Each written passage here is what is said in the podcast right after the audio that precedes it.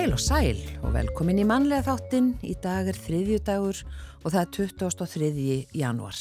Já, sterkasta brittsmót sögunar sem framhefur farið hér á landi hófst í gær og það verið spilað í fjóra daga í hörpu og margar af skærustu stjörnum brittsheimsins taka þátt. Áhuga britts hefur tekið kipp undanfarið hérlendis en um 20.000 Íslendingar spila britts reglulega. Við ætlum að forvittnast í dag um Brits og uh, fórseti Brits sambands Íslands Brynjar Níelsson kemur til okkar til að fræða okkur um spilið eða íþróttina eða leikinu fáum hann til að segja okkur líka hvað á að segja uh, og, og þessi tvö alþjóðlegu mót því að það tekur við bara annað risastort alþjóðlegt mót beint í kjölfarað á þessu sem er núna. Já, e, í dag lifir fólk almennt lengur en áður og það er líka virkara og hraustara en okkur sinni fyrr. Ólafur Þór Gunnarsson, öldrunalæknir, einn yfirlækna á Reykjalundi og formaður verkefnistjórnar verkefnisins Gott að eldast, kemur til okkar hér á eftir en á ný yfirstöðnum læknadögum flutti Ólafur erindið Endurhæfing eldra fólks hvert stefnu við. Meirum það hér á eftir. Já og svo kemur Jóhanna Viljámsdóttir til okkar í heilsuspjallið, við ætlum að halda áfram að tala við hanna aðeins um föstur og fleira. En við byrjum á sextett Ólaf Skauks. Hér flytja þau uh, lag eftir Otger Kristjánsson, teksti eftir Loft Guðmundsson fyrir Austan Mána.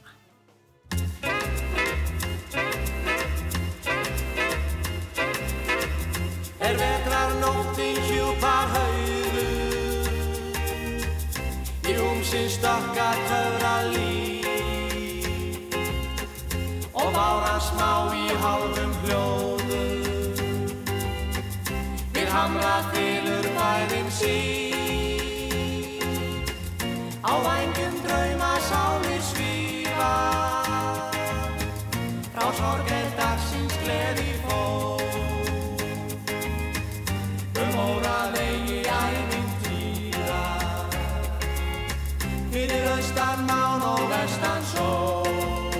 Þótt örlög skil í okkar leiði Í örnum drauma hjöftum segði Ástinni sem fjötra alla brítur Aftur tendrast von sem löngum kól.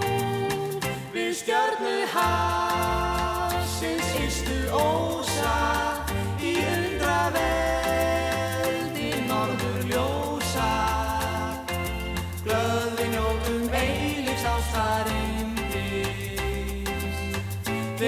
austan mán og vestan sól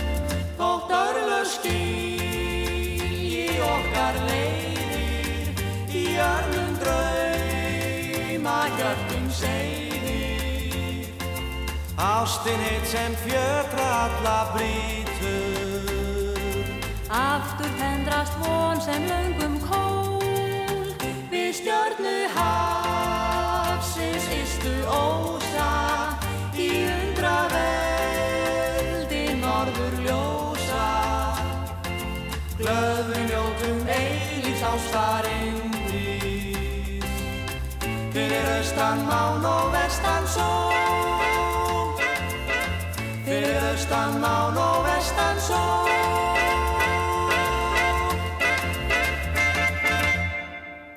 Fyrir austan Mána, sextett Ólaf Skauks, uh, Otger Kristjánsson samt í lagið og Loftur Guðmundsson samt í textan.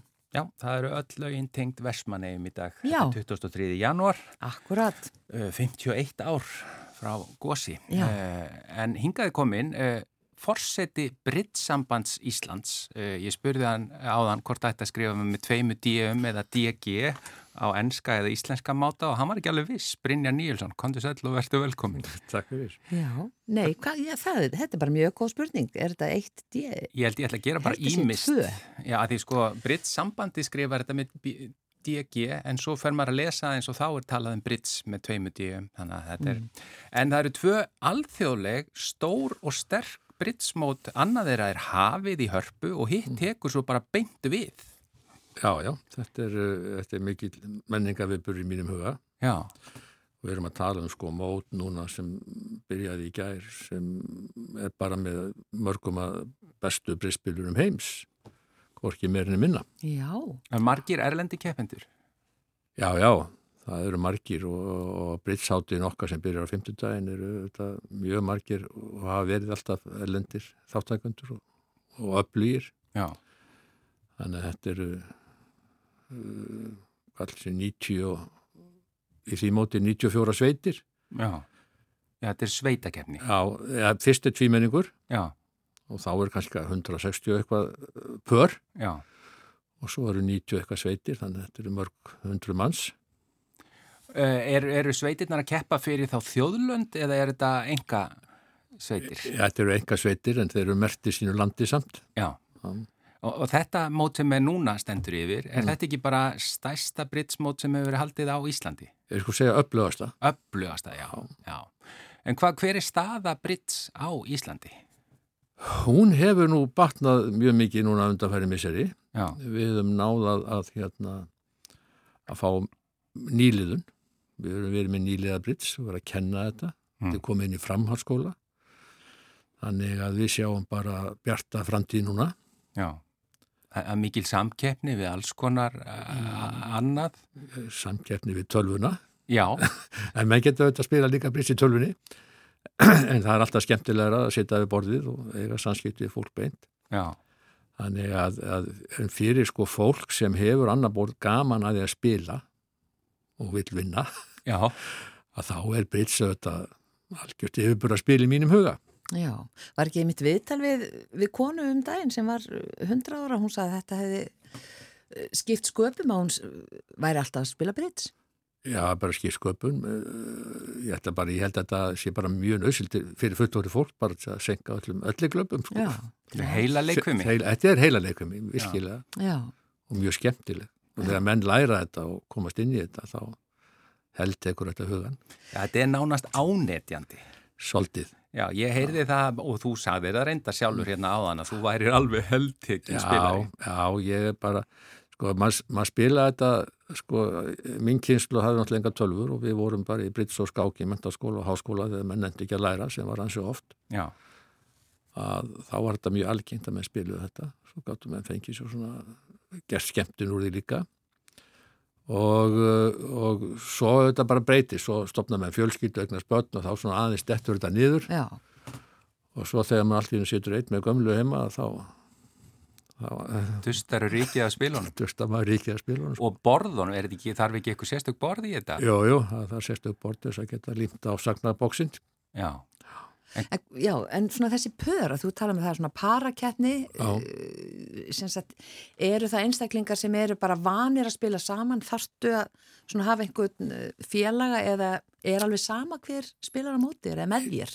Já, það er náttúrulega alveg sama, menn, menn þetta, kunna sagnakerfin, en auðvitað þegar þú fer nýjan þá þarftu nú aðeins að, að hérna, tala saman áður til þess að, að verði engi ruglingur, þetta er orðið nú flókin, betri spilurum, þetta er mjög flóki, flókna sagnir, mm.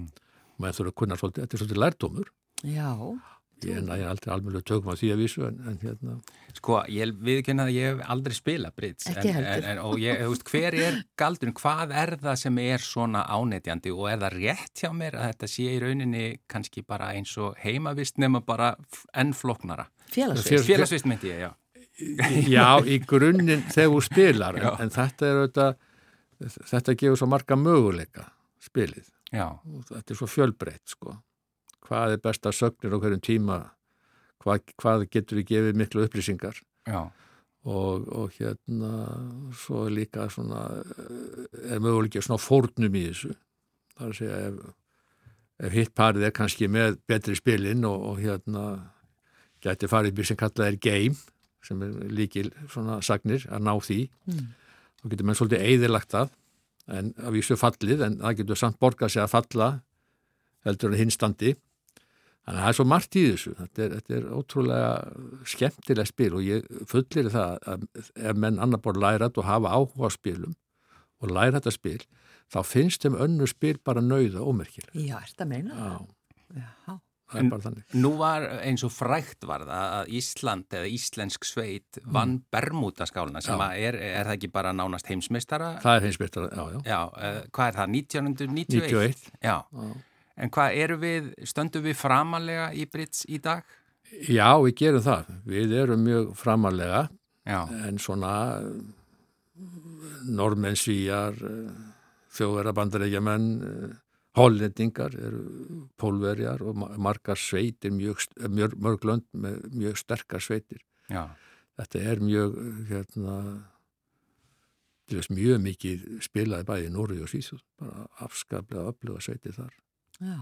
og þetta er atvinnumanna íþrótt, Þetta er atu, já, í bandaríkjunum eru bara, e, e, spilamenn bara sem atumenn, já. Já, en eh, í þessum mótum sem eru hér, Mm. er, er ekki það er allan í öðru, í báðum? Nei, já, það er, já, já, það er í, í báðum eiginlega, Já, en það er svona fyrst og næst þessu móti núna og, og hérna þetta er, uh, þetta eru raun og veru latunumenn sem eru að koma hérna, þeir spilum allan heim.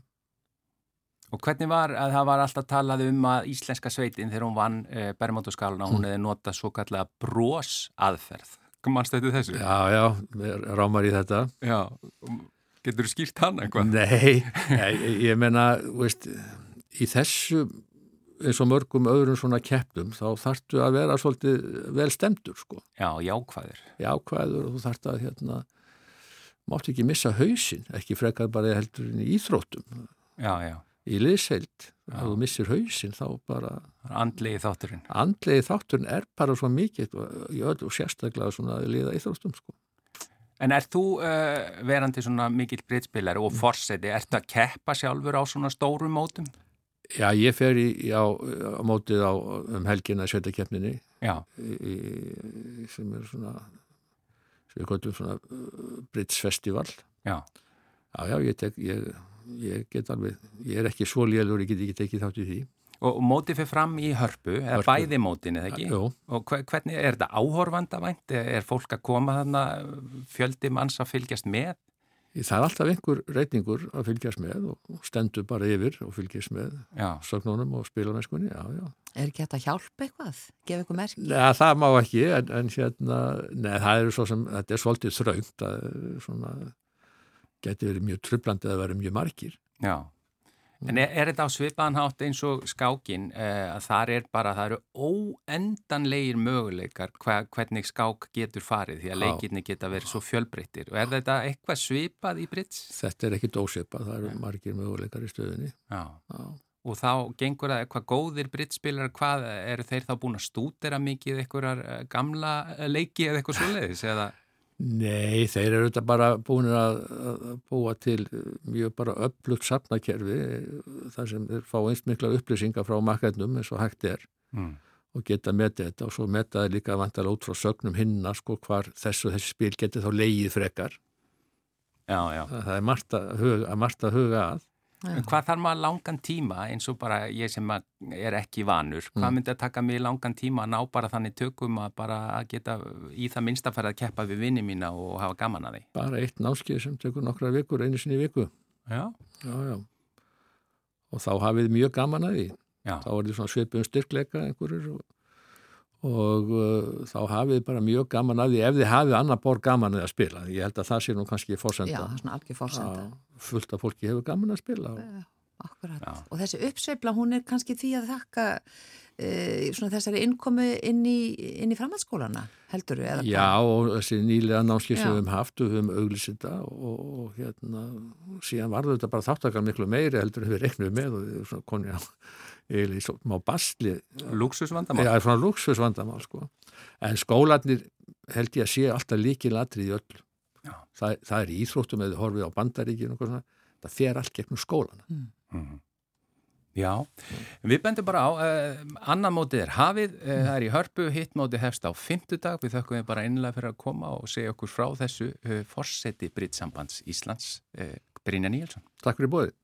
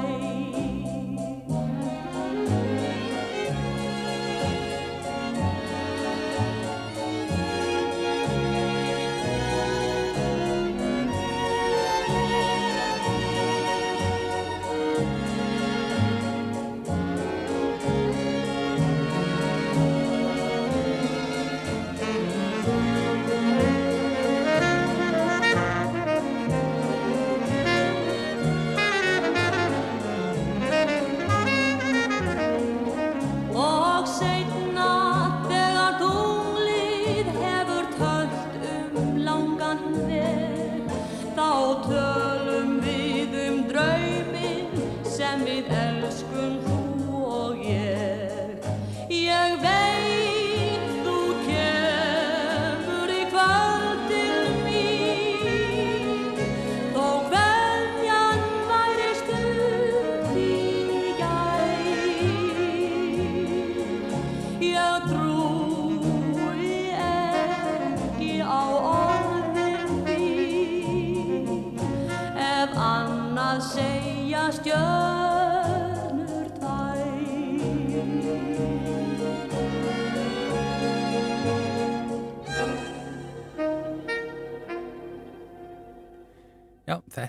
Elli Viljáns, ég veit þú kemur, Odger Kristjánsson og Ási í bæ uh, sömdu þetta lag og texta. Og eins og við sögum í upphafi, fólk lifir almennt lengur eh, en áður. Eh, nú á tímum það er líka virkara og hraustara en nokkur sinni fyrr og hann er komin hinga Ólafur Þór Gunnarsson, öldrunalæknir, einn yfirlækna á Reykjalundi og formaður verkefni stjórnar verkefnisins gott að eldast og það eru ný yfirstaðnir læknadagar, eh, voru bara í síðustu viku og þá flutti, fluttir þú Ólafur erindi sem heitir Endurhæfing eldra fólks, hvert stefnum við? E, þetta er risastór spurning, var hægt að e, svona, fara yfir sviðið í, í stuttu erindi? Það er kannski erfitt að gefa tæmandi svari mitt í stuttu erindi en, en uh, ég held að það sem þú byrjaður á þetta að þjóðin er að eldast. Við erum æg meir að líkjast öðrum vestræni þjóðum. Við uh, erum núnas uh, núna eru 15% þjóðurina 65 ára eldri. En þar hafa flestar allan á norður-Európa þjóðuna verið sko undanfærin 15-20 ár. Þannig að við erum á eftir í þessari, þessari þróun. Já. Það er að segja að við höfum verið yngri þjóð heldur en, heldur en, heldur en þau. En núna er þetta að koma og uh, kannski bónusin sem við höfum eða svona forskóttur sem við höfum er það að uh, hjá okkur gerist þetta þegar að heilsufar hópsins er svona almennt séð orðið betra heldur en það var til dæmis fyrir 20 árum.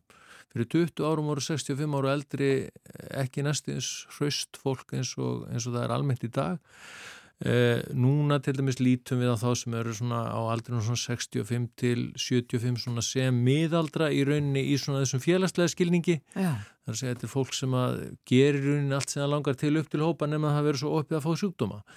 Og endurhæfingin fyrir sko hópin eiginlega verður að fókusir á það að við þurfum að halda áfram eh, eftir 75, eftir 85 að halda þessu fólki eh, heilbriðu og halda því þannig að það geti haldið áfram að njóta lífsins, það geti haldið áfram að taka þátt í samfélaginu og það geti haldið áfram að eh, sjá um sig sjálft og vera með fólkinu sínu. Þetta er risastort verkefni að því að í dag eru 65 ára eldri eru yfir 60.000 manns á Íslandi Já. og heilbriðiskerfið mun alltaf aldrei taka við öllum þessum fjölda til þess að láta hann reyfa sig Eh, endurhæfingaparturinn af þessu er kannski minnst eða svona kannski tilturlega lítill hluti mm. en einhvað síður það eru af því að fólk lifi lengur og er þá lengur með langvinna sjúkdóma er lengur lifandi við ágættar aðstæður með vandamál sem að það þarf að vera svona að díla við að þá, eh, þá þurfum við svona að hugsa um þetta og ég eh, er búin að vera að vinna í þessu í daldi mörg ár þar sé það akkurat endurhæfingu eldra fólks og, eh, og á lungum tíma þá lærum að smátt og smátt ok, já, hvað virkar, hvað virkar ekki hvað er hægt að gera, hvað er ekki hægt að gera og svo framvegis. Og, og líka að fara að horfa í meira og meira mæla á þetta út frá svona líðhelsu vinklinum það er að segja sko, fólk á, á, á, á okkar aldrei gurum, það á að vera lungu, lungu byrjað að reyfa sig og, og hérna og þá að vera í rauninni komið bara með sína rútinu en, en, en síðan kannski fólki sem er ennþá eldra, þá tala nú ekki um 85 ára eldri, að þar þarf oft kannski að grýpa inni og, og hjálpa þeim í gegnum veikinda hjalla eða, eða aðgerðir eða eitthvað svo leiðis og, og, og þar þurfum við svolítið að taka á. Við erum ekki svona við erum ekki komin þánga sem við þyrtum að vera til þess að geta tekið við þessum hóp en það er algjörlega gerlegt. Já, það er gerlegt en við hefum kannski svolítið sofið á verðinum en þessi Já. aðgerðar áætlun uh, mm -hmm. ríkistjórnarinnar getur við sagt, Já. hún sem sagt miðast við árin 2023 til 2027 mm -hmm.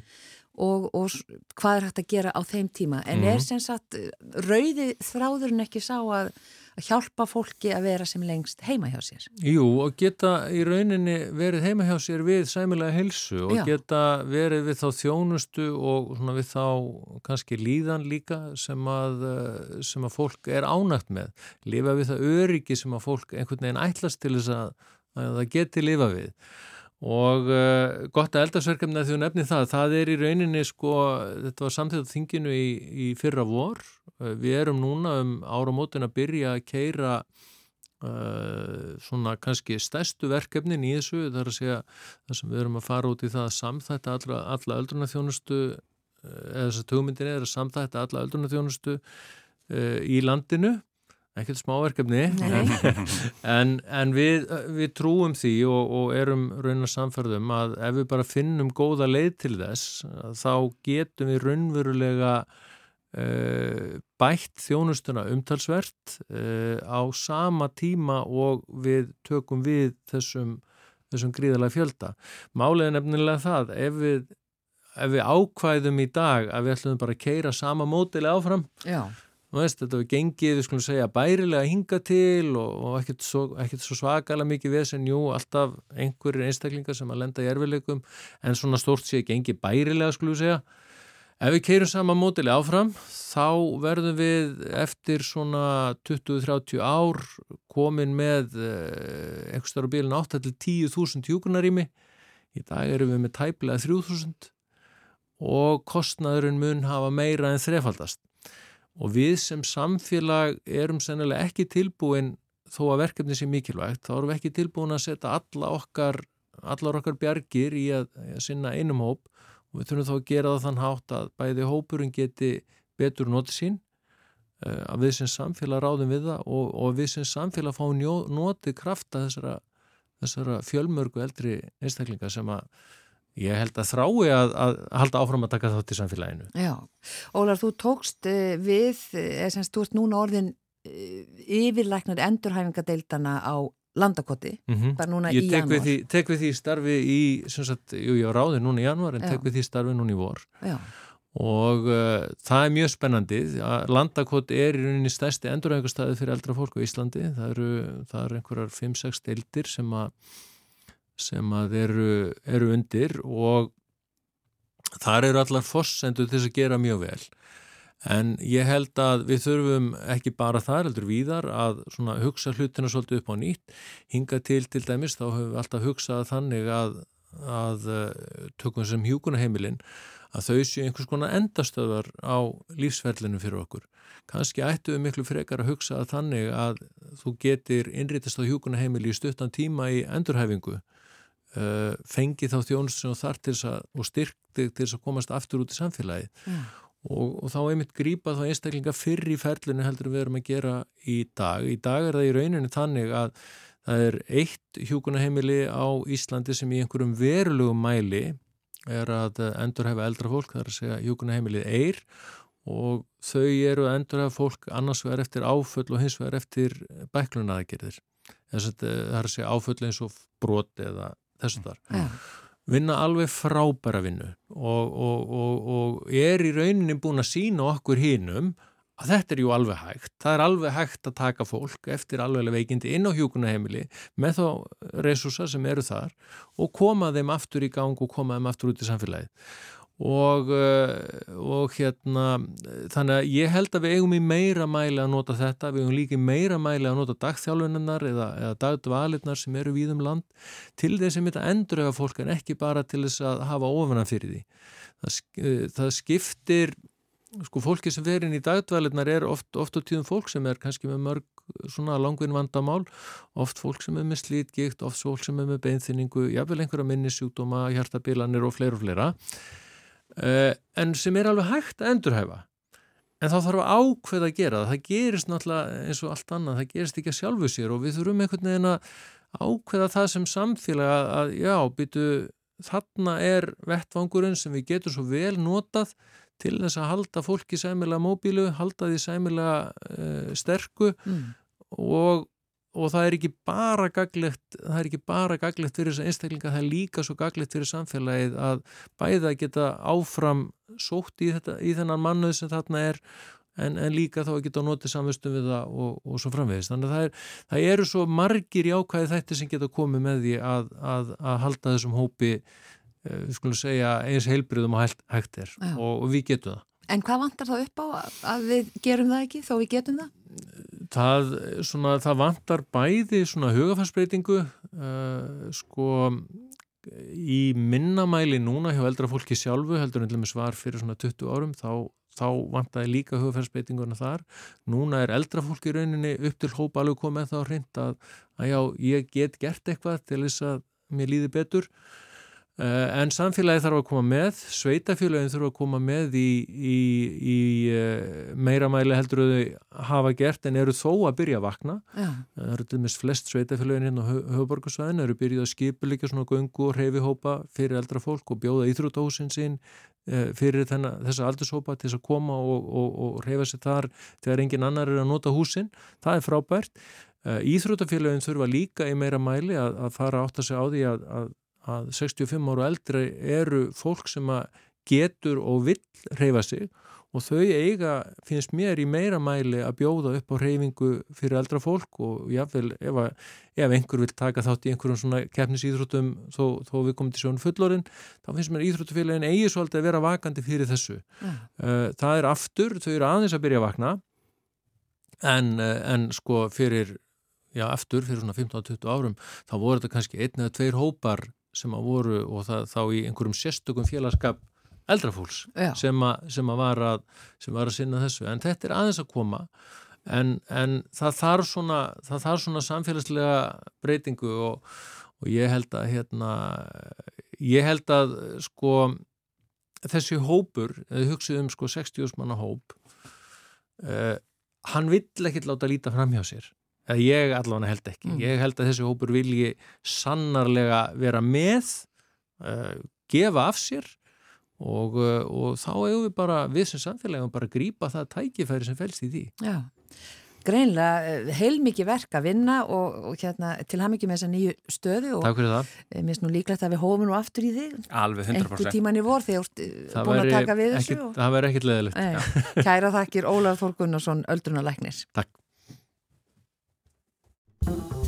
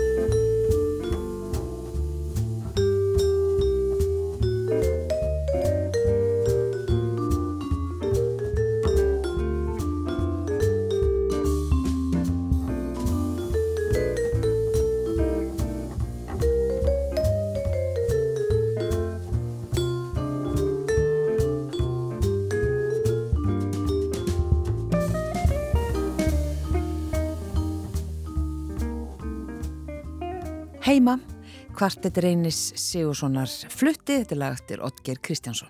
Já, hingaði komin Jóhanna Viljánsdóttir, það er helsuspjallið, við vorum að tala í, í síðastiru konstil okkar, vorum að tala um svona að, að, að eh, mörg okkar ætlum að rétta ímislegt af svona um, á tímamótum, um áramót og annað slíkt og komum aðeins að föstum en náðum í rauninni ekki almennilega spjallum það, þannig að þú ætlar að ansa að taka þann bolta á lofti núna. Já, aðeins. Og velkomin. Takk fyrir, kærlega, gaman að vera með ykkur eins og alltaf.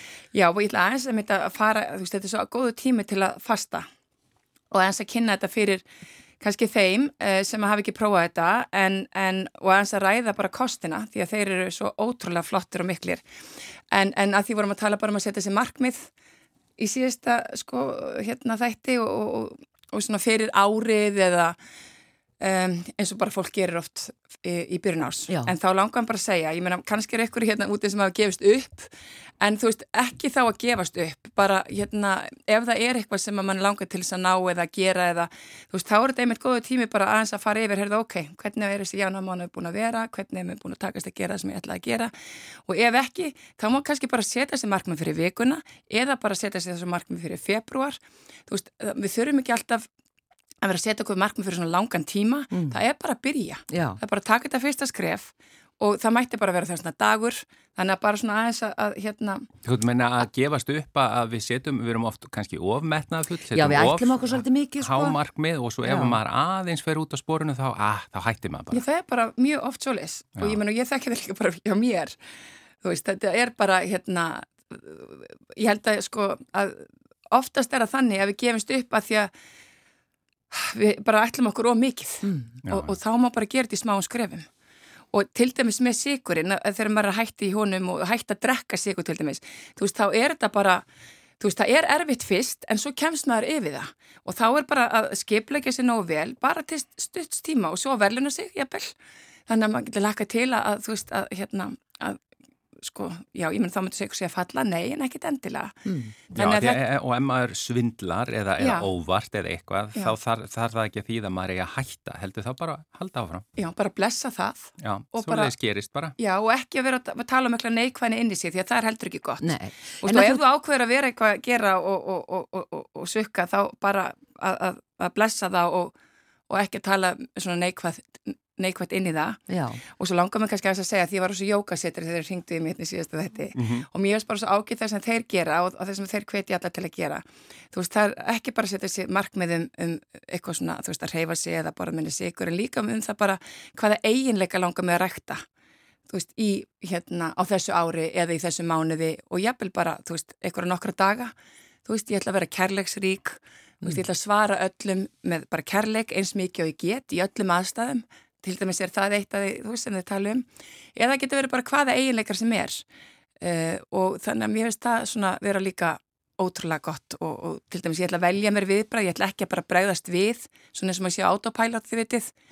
Og, og, og hérna og velja sér viðbræð en já, eigum við kannski að það færi fæsturnar já, já, en þetta var eh, samt mjög góð punktur þetta að, að velja sér viðbræð ég heyrði einmitt í einni sem, sem var að byrja svona í upphafi árs eh, sem sagði ég ætla að vera góð við mig og bara borða það sem er gott fyrir mig. Eða sem sagt gott fyrir líkamann. Sem er svona, mjög góð já, leið því að manni, maður snýri svo oft öfugt, maður snýri svo oft eins og maður sé að refsa sér með því að borða eitthvað sem er holdt, en það er auðvitað fyrir okkur gott. Ég sko, ef maður hugsaður um það að þú setja að borða fyrir frumuna hérna, veist, og bara fyrir bara, bara bæði líkam og sál af því að líka matur er orka og mm. við erum orka. Þannig að það er rosalega gott að gera það, þú veist, þú ert ekki að borða fyrir tunguna auðvitað er að gegja þið að fyrir saman og það getur bara svo sannal að fyrir saman. Já, já, en, en að þá að minna sig á það. En þú veist, auðvitað þeir sem eru virkilega og auðvitað eru bara mjög mörg að ströggla við matin og allt þetta og það er bara sigurinn og þetta, þú veist þetta fæði okkar sem er svo sko bara ávanabindandi og þannig að þetta er líka spurningu það og sem þurfa bara virkilega líka að fá aðstóð mm -hmm. að finna sér eitthvað svona markþjálf eða eitthvað sem bara leiðir þetta aldrei í gegnum þetta Mm. En það er með þetta sem við erum að tala um að því að talandum sigur og nefnir í fösturnar að þá, þú veist, við erum bara ómörg að borða mat sem er vegna þess að í öllum þessum efnaskiptum og, og sérstaklega er þetta mikið áláð líka mann að borða svona óholt fæði sem er ekki sko næringaríkt því að við þurfum alla þessa næringu í matnum, þannig erum við auðvitað bara gerð til þess að hérna, allir þessi ferðar líkamannum sem að fara á stað þegar við erum að borða þeir þurfa bara ákveði næringarætni til þess að geta gert þetta almenlega Já, bara til að fungera Já, og ef mm. við erum að borða svona mikið af næringarsnöðu mat þá er, verður við raunverulega sko, þetta er eins og að vera í næringaskorti vegna þú, þú ert að fá fullt af orgu en þú ert ekki að fá þessi efni sem líkamann virkilega þarf til þess að, að melda bara þennan mat og vinnur honum. Mm og, og, og það, það er auðvitað bara uppskrift af sjúkdómum. En þannig að það er svo ágætt aðeins að minna á fösturnar og auðvitað hefur, hafa fösturnar verið mikið rættar ég með langar aðeins bara árum fyrir mig fösturnar Já, að það er búið svo dimmu tími. Já. og hérna að, að það er byrtan og það er svo mikilvægt við fáum byrtuna í gegnum augun ég ekki fyrir díotaminið, bara heldur fyrir innkirtlakerfið, fyrir svefnin okkur og allt. Þannig að við gerum okkur farum það að fara út þegar að veist, þegar byrtan, byrtunar nýtur mhm. -huh. og fá byrtuna í augun bara fyrir allt hormonakerfið okkar, fyrir svefnin okkar. Við getum kannski farið í betu þetta setna en þetta já, er svo mikilvægt er mjög, já, einmitt, og ekki verið með sólgleru við erum alltaf með sólgleru og það er algjört eitur að fá ekki þessa byrtu svo erum við í bláaljósunu, við skjáin og allt þetta. En bara gerðu ykkur farum það að fara út og jafnvel eh, taka ykkur líka, þú veist, glerugun ekki bara sólglerun, mm. heldur að fá byrtuna alveg inn í augun ótröflað. Takk á móti byrtunni. Já. Og á þetta ekki bara við svona um vetratímana því auðvitað þegar sólinn skín á sömbrinn þá náttúrulega er betra að vera með glerugum, sólglerugu. Ég nefn, en þú þarf alltaf að fá einhverja, ekki einhverja vera með sólglerugu, þú veist. Allan daginn? Nei, nei. og ég menna þetta eru bara örfá mínutur ef, að, ef það er heiðskýrt, en síðan ef það er skýja þá þarftu aðeins fleiri mínutur. Þannig að bara aðeins að hugsa um það að þegar þú ferð út, ekki vera alltaf með, og taktu líka hún venjulegu og bara en nummer eitt sólgleru hún sko. Þannig að þetta er ekkit eðlilegt að fá ekki, margir eru bara alltaf með sólgleru. En er það melantónin sem við fá, eða þú veist, ja, til dæmis það, það? Þetta, þetta, þetta, þetta snýst um heilatingul, þetta snýst um, um eh, hérna, melatoninframlýslu mm. og því að þetta snýst um sko svefnin okkar bara hérna, já, bara um, Það bara sofið betur. Já, já, við súum betur. Og það er bara margar skemmtilega rannsóknir um þetta núna og hérna, ég var að hlusta á tögavist að maður ræða þetta, þetta var bara mjög, mjög áhugavert. Já. Þetta er eitthvað sem við skulum líka tala um setna. Já. já, við getum alveg, þú veist, þetta er líka eitthvað svona aðeins að týsa, en líka þannig að fólk geti farið og kynnt sér þetta sjálft, já. að því þetta er svo áhugavert allt saman. En síðan er það þetta, hvernig við fyrirbyggjum sjúkdóma og það er einmitt þetta bara að, að fösturnar geta verið og því að það er líka bara svona einföld leið kannski einföld en að gæðsalappa, fyrir fólk til þess að draga úr magni hitta eininga en líka bara minka álæð á líkamann og það er bara, og þetta er sko, hefur verið mikið rannsakað og, og, og við erum alltaf að komast betur og betur því hvað bara til dæmis svona, þetta þarf ekki að vera föstur í langan tíma, þú getur gert þetta inn á milli, mm. muni ekki það að vera að tala um 5-2 Ég prófaði það bara í næst í tvö ár Já. og kunni mjög vel við það sko. Já, og ég var farin að hlakka til þessara tveggja daga í vikunni því að þá nullstiltist líka minn svolítið og ég var miklu næmari á það sem ég borðaði þar að ég fann miklu betur hvað hafði slæm áhrif á mig og hvað ekki að því ég var eiginlega orðin bara dofin á það sko Nákvæmlega. Það var stundum pyrraður á þessum dögum. Já, já, þegar ég var að byrja, Guðrún benti mér á það því við vorum saman í útvarf og hún sagði, nú ertu svolítið pyrraður. Já. Sem er mjög ólíkt Gunnar. Sko. En það var bara þegar ég var að vennja. Já, já en svo má gera þannig, svo margir að gera það, að, að sko sleppa morgumat og bara fá sér sítrunu vatn og menna, fólki er, er að fá sér kaffi líka, þú veist, og, og hérna, og borða bara í þessum glugga sem er kannski 8 klukkutímar frá hádegi og til 7-8 og svo fasta alveg uh, í átjón tíma og þú veist, fólk getur bara byrjað að prófa þetta einu sinni. Mm. En þetta er sko að ég verið að skoða aðeins þessa leið og mér finnst hún svo flókin þegar ég fyrir að skoða það fyrir rosa mikið eftir í ákvaða aldrei þú ert hvort er mælt með hvað er það 16, 8 eða, eða hvort það sé 18, 6 eða hvernig sem það er að það fer, uh, þekkjur eitthvað inn á það? Nei, en sko, ég skal kíkja á það en sko, mér finnst, við skulum ekkert flækja þetta. Mm. ég bara byrja, þú veist, á, á þessu og þú veist, líka bara hlusta á líkamannsinn þú veist, hvernig er þetta að fara í mig? En það er alveg, kannski, alveg viðbúið að þú fái pínu svona einhver frákvarsenginni og, og að, þú veist, eins og kannski þér leið fyrst þegar þú varst að byrja á þessu. Já, já. Það var líka bara því maður er við, við kunnum ekki að finna fyrir svengdartilfinningu, við erum svo vöndi bara að slökka á því áðurinn í rauninni það gerist. Ég veist, ég veit og svo er þetta bara þannig að, að sko, það var oft sko, mikil hræðsla samt líka við föstur þú veist, í raunverulega meðan að vandamál er að við erum að borða allt og mikið mm.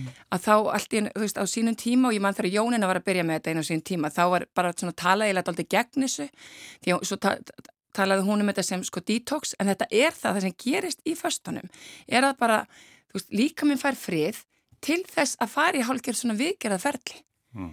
og þú veist, hérna sjálfstyrðið frumudauði hérna á veikum og skemmtum frumum, hann ekst frumu átt veist, að því að ónæmiskerfið okkar er svo ótrúlega fullkomið og þetta snýst mest um það að gefa því, þú veist, bæðiða næringuna en líka þennan frið jafnvel til þess að sinna þessu sem að það er svo gott í mm. því að ónæmiskerfið er en einu og sanni læknir, það er bara þannig Já.